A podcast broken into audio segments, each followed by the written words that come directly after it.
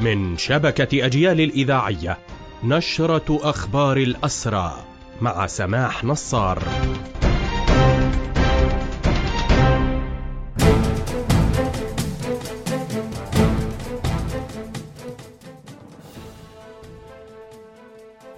أهلا ومرحبا بكم إلى هذا اللقاء.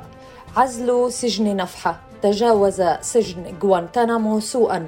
هذا ما أكدته هيئة شؤون الأسرى والمحررين وقد نشرت تفاصيل الوضع الذي وصفته بالمأساوي. وسط ظروف صعبة يواجهها الأسرى في عزل سجن نفحة. القسم يفتقر إلى كل مقومات الحياة حيث وصفه الأسير بأنه أسوأ من سجن غوانتانامو. الأكل سيء جدا. في حال الصراخ أو التطبيل على الباب يخرج الأسير إلى غرف ويبقوه مكبل اليدين والأرجل لأربعة أو لأربع وعشرين ساعة. يتعرض الأسرى للضرب والاعتداء على أقل الأشياء.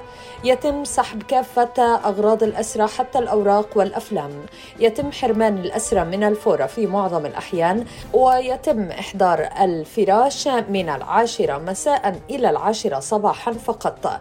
حاول أسرى العزل الاحتجاج على ظروف عزلهم السيئة فقامت إدارة السجن بتغريمهم بمبلغ 450 شيكل وحرمان الأسرى من الكانتين والزيارات لمدة شهرين. وفي كل مرة يرفض الأسرى الوقوف على عدد يتم تغريمهم بمبلغ 250 شيكل. عند الاستحمام يقف السجانون على الشباك. الإهمال الطبي المتعمد الذي يتعرض له الأسرة. أسير اسمه أحمد الشنب تم ضربه وسحبه يوميا وهو معزول على خطبة يوم جمعة.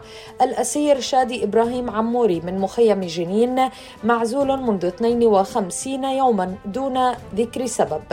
الأسير معز حسين معزول ووضعه سيء جدا. الأسير أحمد الشمالي الذي رزق بأربعة توائم من نطف مهربة تعرض للتغريم والعقوبات والمعاملة السيئة بسبب ذلك. ونواصل في أخبار هذه النشرة أيضا حملة الاعتقالات التي يشنها الاحتلال ليليا طالت سبعة مواطنين على الأقل من كفر مالك ومخيم العروب والخليل والقدس وذلك حسب ما أوردت هيئة شؤون الاسرى ونادي الأسير. وفي التفاصيل أيضا في أخبار نشرتنا وانتصارا لكافة الأسرى في سجون الاحتلال على رأسهم المرضى وبينهم القائد وليد دقة وعاصف الرفاعي. وكل الأسرى في السجون تنظم غدا مسيرة للاعتصام أمام مقر الصليب الأحمر في رام الله عند الساعة الحادية عشرة.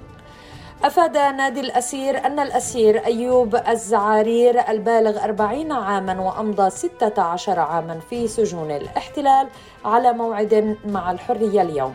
كذلك الأسير عامر أبو رموز البالغ 40 عاما وأمضى 16 عاما على موعد مع الحرية اليوم.